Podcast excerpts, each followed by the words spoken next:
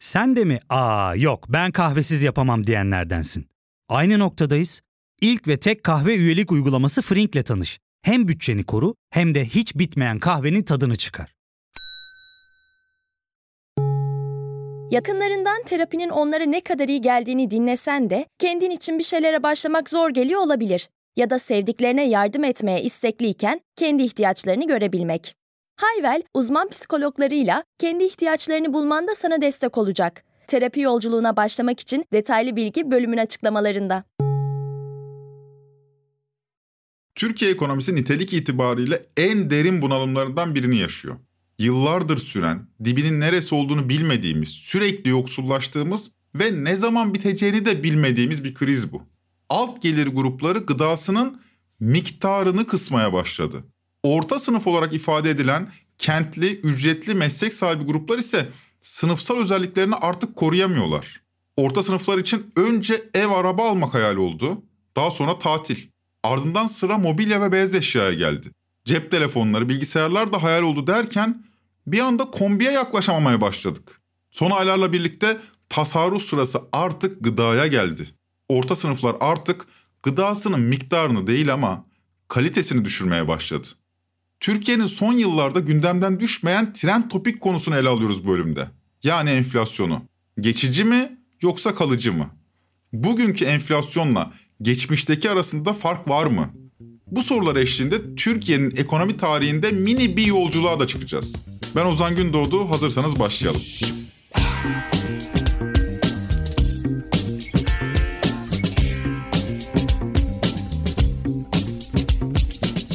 Türkiye İstatistik Kurumu, kısa adıyla TÜİK, 4 Nisan'da Mart ayına ilişkin enflasyon verilerini yayınladı.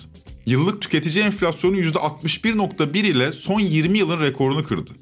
Buna benzer oranları en son 2001 Şubat krizinin ardından yaşamıştık. Tüketici enflasyonunda tablo bu. Üretici enflasyonu ise daha fena. Mart ayında üfedeki yıllık artış %114.9. Üfede bu oranı da 27 yıldır görmüyorduk. En son 94 krizinin ardından buna benzer oranlar görülmüştü. Peki soruyu soralım. Zirve neresi? Bunu bilen yok. Bilgi Üniversitesi'nden Profesör Ege Yazgan, Bloomberg HD'de zirveyi öngörmek zor ama yıl sonuna kadar %50'nin altında görmeyiz diyor. Bir süre bu böyle devam edecek. Yani yılın sonuna kadar acaba Aralık ayında enflasyon biraz düşer mi sorusu var. Bu da benim tahminim 50'lerin altına pek düşemeyecek gibi bu gidişle. Çünkü e, bu üretici fiyatları ve bunların yansımaları bu maliyet şokları ile birlikte kendini göstermeye devam edecek.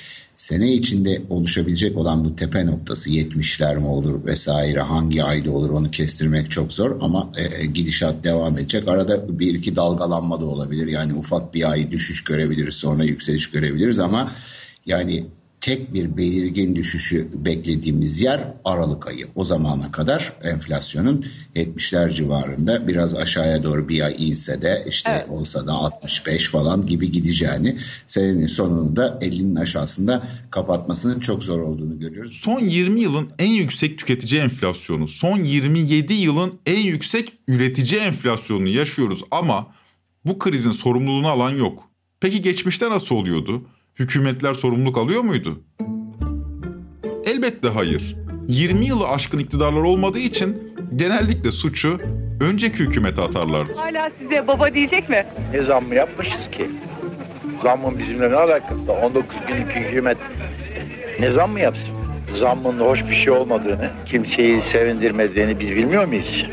Öyleyse popülaritemizi kaybetmek için durup durduğumuz yerde zam yapacak kadar bizi akılsız mı sanıyorsunuz? Zam biz yapmadık. Zam iki ay evvel yapılacak şekilde konmuş duruyor. Seçim geçsin yapmayalım demişler ve bizim önümüze geldi. Yapacak başka bir şey yok.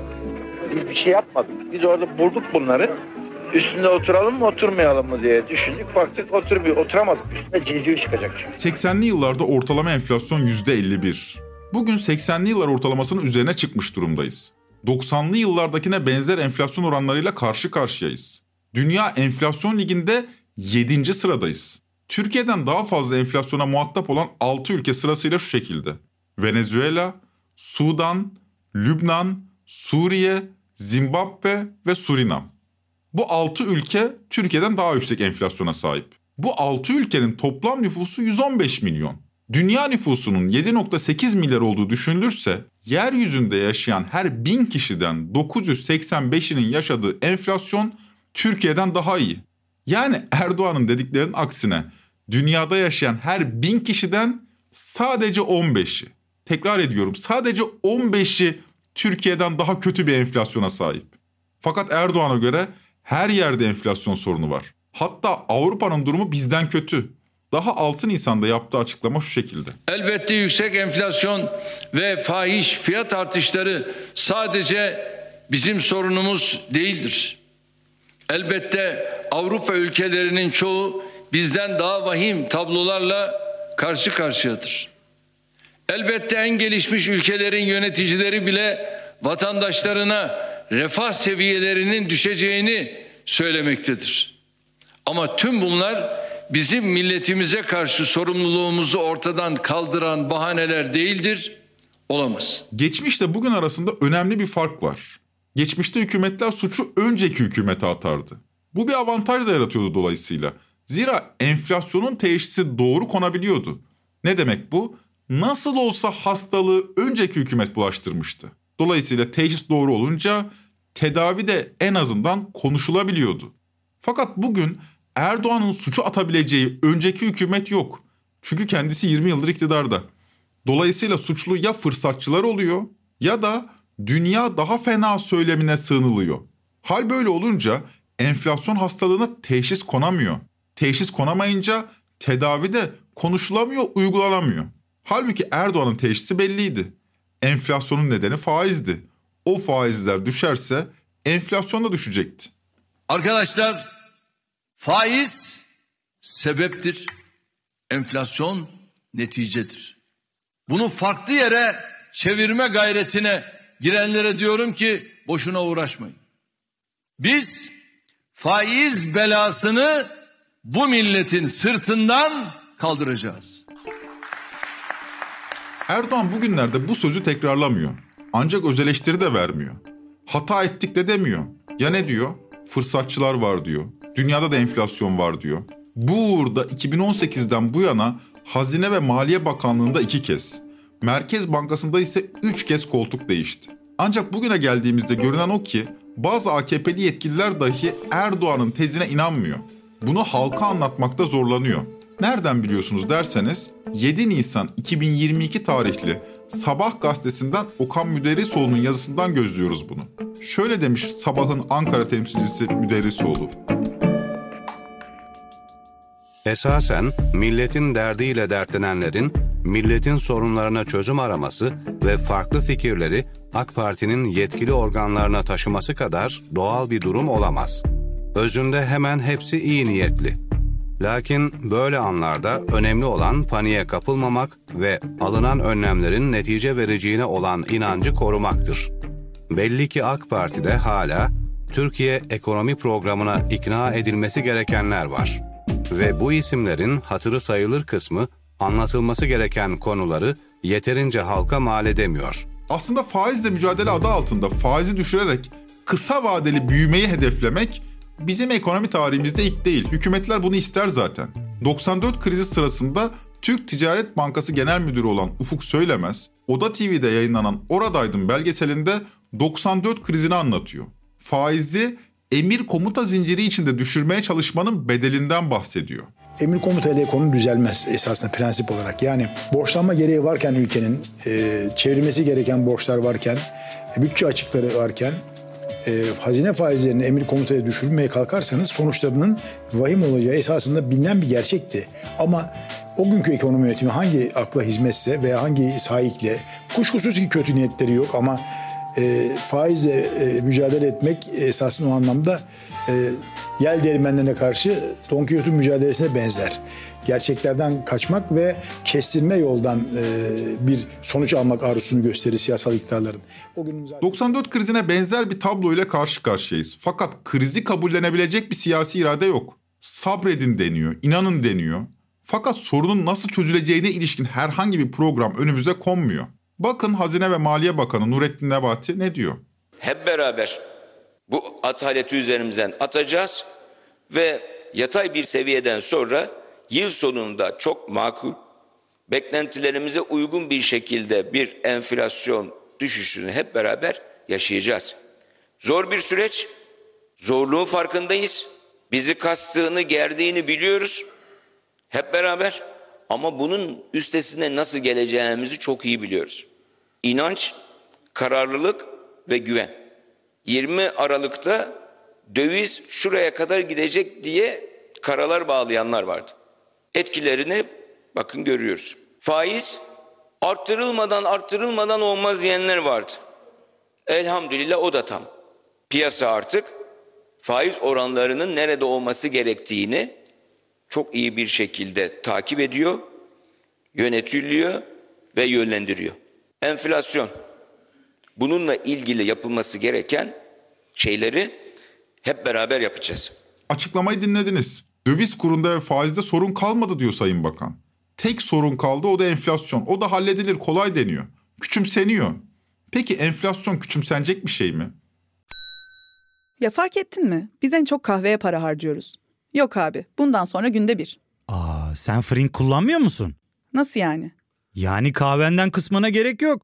Frink'e üye olursan aylık sadece 1200 TL'ye istediğin çeşit kahveyi istediğin kadar içebilirsin. Günlük 40 TL'ye sınırsız kahve mi yani? Çok iyiymiş. Aynen. Hatta şu anda 200 TL'lik bir indirim kodu da var. E hadi hemen indirip üye ol da bu fırsatı kaçırma. Terapiye başlamak, içinden çıkamadığın döngüleri kırmak, bazı yanlış bulduğun kararlarını değiştirmek ve kendinle beraber daha huzurlu bir yaşam inşa etmek için atabileceğin en değerli adımlardan biri. Hayvel ile yoğun yaşam tempona uyum sağlayarak online terapi seanslarını takvimine göre ayarlayabilirsin. Bini aşkın uzmandan sana en uygun terapisti seçebilir, PodB10 koduyla indirimden yararlanabilirsin. Detaylı bilgi açıklamalardaki bağlantıda. Sorun çok daha köklü. Liberal iktisat ekolünde hocaların hocası diyebileceğimiz Profesör Asaf Savaş Akat, Fatih Altaylı'nın Teke Tek programında 30 Mart'ta Türk lirası hakkında şöyle konuşmuş. Çok güçlü birkaç para var. Tarihi nedenlerle çok güçlü. Onlar aslında rezerv paraya benzer bir niteliğe Bunlardan bir tanesi mesela İsviçre. İsviçre aslında küçücük, küçücük bir ekonomi. Niye peki İsviçre parasına neden bu kadar güven duyuluyor? Sorusunu cevapladığımız anda Türkiye'nin neden TL'nin neden böyle sorunları olduğunu anlarız. Çünkü İsviçre 400 yıldır hiç enflasyon olmamış bir, iki hiç para giriş çıkışına kısıtlama getirmemiş. Şimdi adam bakıyor. Bunlar 400 sene enflasyon yapmadıklarına göre diyor. Bundan sonra da yapmazlar diyor. Parayı ben bunları buraya koyarsam 400 senedir buna bir şey getirmediklerine göre bundan sonra da gelir. Şimdi Türk vatandaşı Türk TL'ye bakıyor. E bunlar yani 40 senedir bir enflasyon yapıyorlar diyor. Bunlar bundan sonra da yaparlar diyor. Yanlışlıkla inanıp artık yapmayacaklar diye bir hata yapıp inanırsa da hakikaten işte son dönemde olduğu gibi. Olduğu bir yere Türk TL güçlü feci oldu. halde, feci halde bir kazık yiyor değil mi? O yüzde on yedi faiz alıyor. Enflasyon yüzde elli. Şimdi bankada bir şekilde TL tutanlar yani TL'ye para muamelesi yapan TC vatandaşları servetlerini hızla kaybettiler. Kaybetmekler. Yüzde kırk kaybettiler bir senede. Evet aynen. Suçları ne bunların? TL'ye güvenmek. TL'ye güvenmek. Şimdi... Asas Savaş Hakat her zaman karşılaşabildiğiniz iktisatçılardan biri değil. Türkiye'de sol, kamucu paradigma ile ekonomiye yaklaşan iktisatçı denince akla nasıl Korkut Boratav geliyorsa, liberal piyasacı paradigma deyince de akla gelen en önemli isimlerden biri Asaf Savaş Akat. Kendisi TL'ye para muamelesi yapmanın yanlış olduğunu, TL'ye para diyeceksek İsviçre frangına, ABD dolarına başka bir şey demek gerektiğini söylüyor. Neden? Nedeni tarihte, tarihsel süreçte. TL'ye para muamelesi yapıp onu biriktirenler 10 yıllardır kazık yiyor. En son yine kazık yedi. Kısa bir yolculuğa çıkalım isterseniz. Türkiye Cumhuriyet Merkez Bankası 1930 yılında kuruldu. Bugün 92 yaşında. Lira üzerindeki hakimiyet bu bankada. Daha önce Osmanlı Bankası Merkez Bankası görevini üstleniyordu. 19. yüzyıldaki kağıt paramızın adına da kaime adı veriliyordu ya da Anadolu insanının söyleyişiyle gayme. 1930'dan bu yana Türk lirası bir türlü yatırımcısına güven vermedi. Enflasyon yeni bir sorun değil. İkinci Dünya Savaşı yıllarında tüm dünya ile birlikte Türk lirası da büyük darbe yedi. tarihimizin ilk devalüasyonu 1946'da savaştan hemen sonra gerçekleşti. Daha sonra 1958 yılında ikinci devalüasyon. O gün 2.8 TL olan dolar o tarihte bir gecede 9 TL'ye çıkarıldı. Tabi beraberinde yine enflasyon. 1960'lar TL'nin istikrarlı olduğu yıllar. Fakat 70'lerde gerek petrol şoku gerek Kıbrıs ambargosu enflasyonu tetikliyor. Bülent Ecevit'in milliyetçi cephe hükümetine dönük eleştirisini dinleyelim. Kömüre, gaza, mazota, fiyoloyla %100 zam, demir çelik ürünlerine %100 zam, çimentoya bir büyük zam, ardından bir zam daha, kağıda %400, tuza %550, gübreye %500 ile %750 arası zam, ekmeğe, süte, ete zam, sigaraya, beze, şekere zam, PTT'ye, demiryoluna, uçağa, otobüse ve daha nicelerine zam. Birinin acısına alışılmadan yenileri ve daha büyükleri ardı ardına gelen zam haberlerini günlerdir her akşam radyoda, televizyonda, her sabah gazetelerde okuyan yurttaşlarımız soruyor olmalılar. Ne zaman arkası kesilecek bu zamların diye. Acı gerçek o ki arkası kesilmeyecek. Bunlar daha başlangıç. 70'leri yüksek enflasyonda geride bırakıyoruz. Sonra 80'ler. 70'lerden daha fena. Ortalama enflasyon %51. 90'lı yılların ortasına gelirken Türkiye 20 yıldır kesintisiz enflasyonla yaşayan bir ülkeye dönüşmüş durumda. Derken 94 krizi yine devalüasyon. 5 Nisan 1994'te 33 bin TL olan dolar ertesi gün 40 bin TL oluyor. Enflasyon tırmanıyor. Hazine yüzde 450 ile borçlanmış. ama 49'a düşmüş. Bakın yüzde Siz- 150'den evet. yüzde 149'dan Fakat siz pardon yüzde şekilde- 65'e düşmüş. Siz 65'e başbakandınız. Ama yüzde 149'a çıkıyor. İnsan 650 bin yüzde kişi, 65'e düşüyor. 650 Devalüasyon yapılıyor, ihracat patlıyor. Yapmayın. Niçin yapılır? Yüzde- ihracat e, patlaması yüzde niçin 300 yapılır? devalüasyon yapılınca tabii Ama patlar. canım şimdi de 500'den 1 bin, 1,5 milyona geliyor. Nerede ihracat Ya- patlaması? Hani ihracat patlaması? 94 krizi bitti derken 98 Güneydoğu Asya krizinin etkileri, 99 Rusya krizi derken 17 Ağustos depremi derken 2000 Kasım bankacılık krizi ve ardından Türkiye ekonomisinin gördüğü en şiddetli finansal kriz 2001 Şubat krizi. Sayın Başbakanım, al ben bir esnafım. Ben bir esnafım.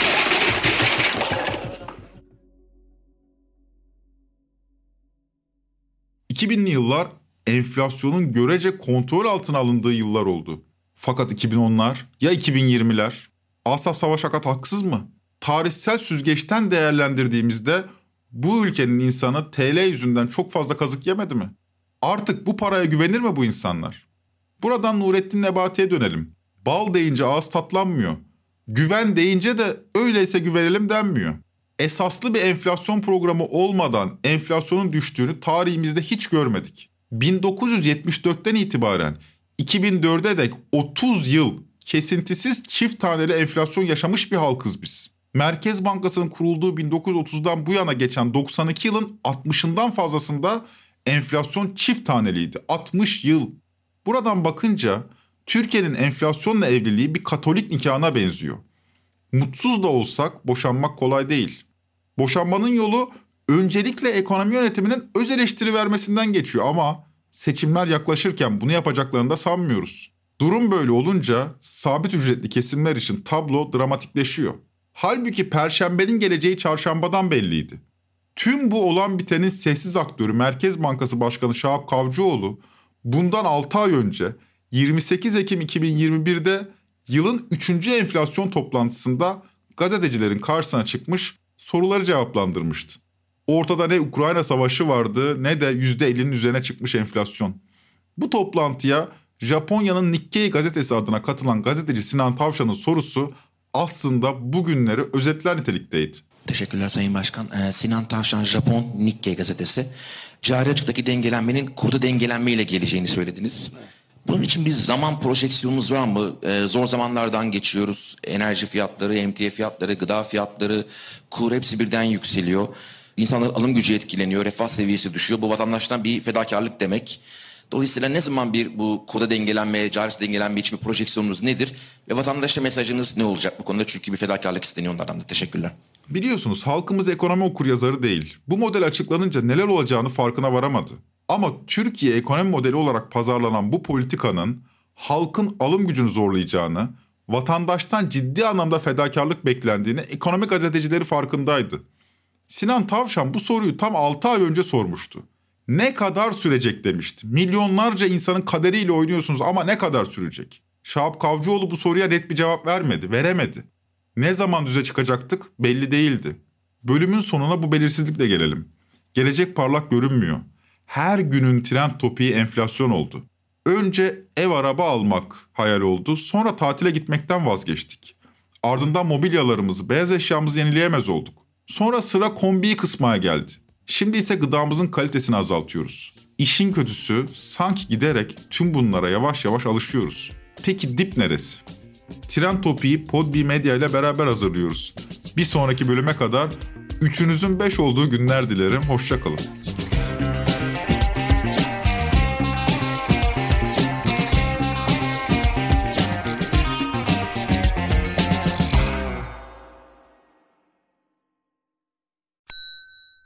İlk ve tek kahve üyelik uygulaması Frink, 46 ildeki 500'den fazla noktada seni bekliyor. Açıklamadaki kodu girerek sana özel 200 TL'lik indirimden faydalanmayı unutma.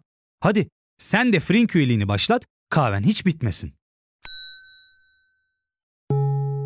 Hem bugününe hem yarınına katacaklarıyla terapi yolculuğuna ve daha iyi hissetmeye bugün Hayvel ile başla. Açıklamadaki linkten Hayvel'i indir, ücretsiz tanışma görüşmelerinin ardından bütçene uygun seans paketini seç ve terapi yolculuğuna başla.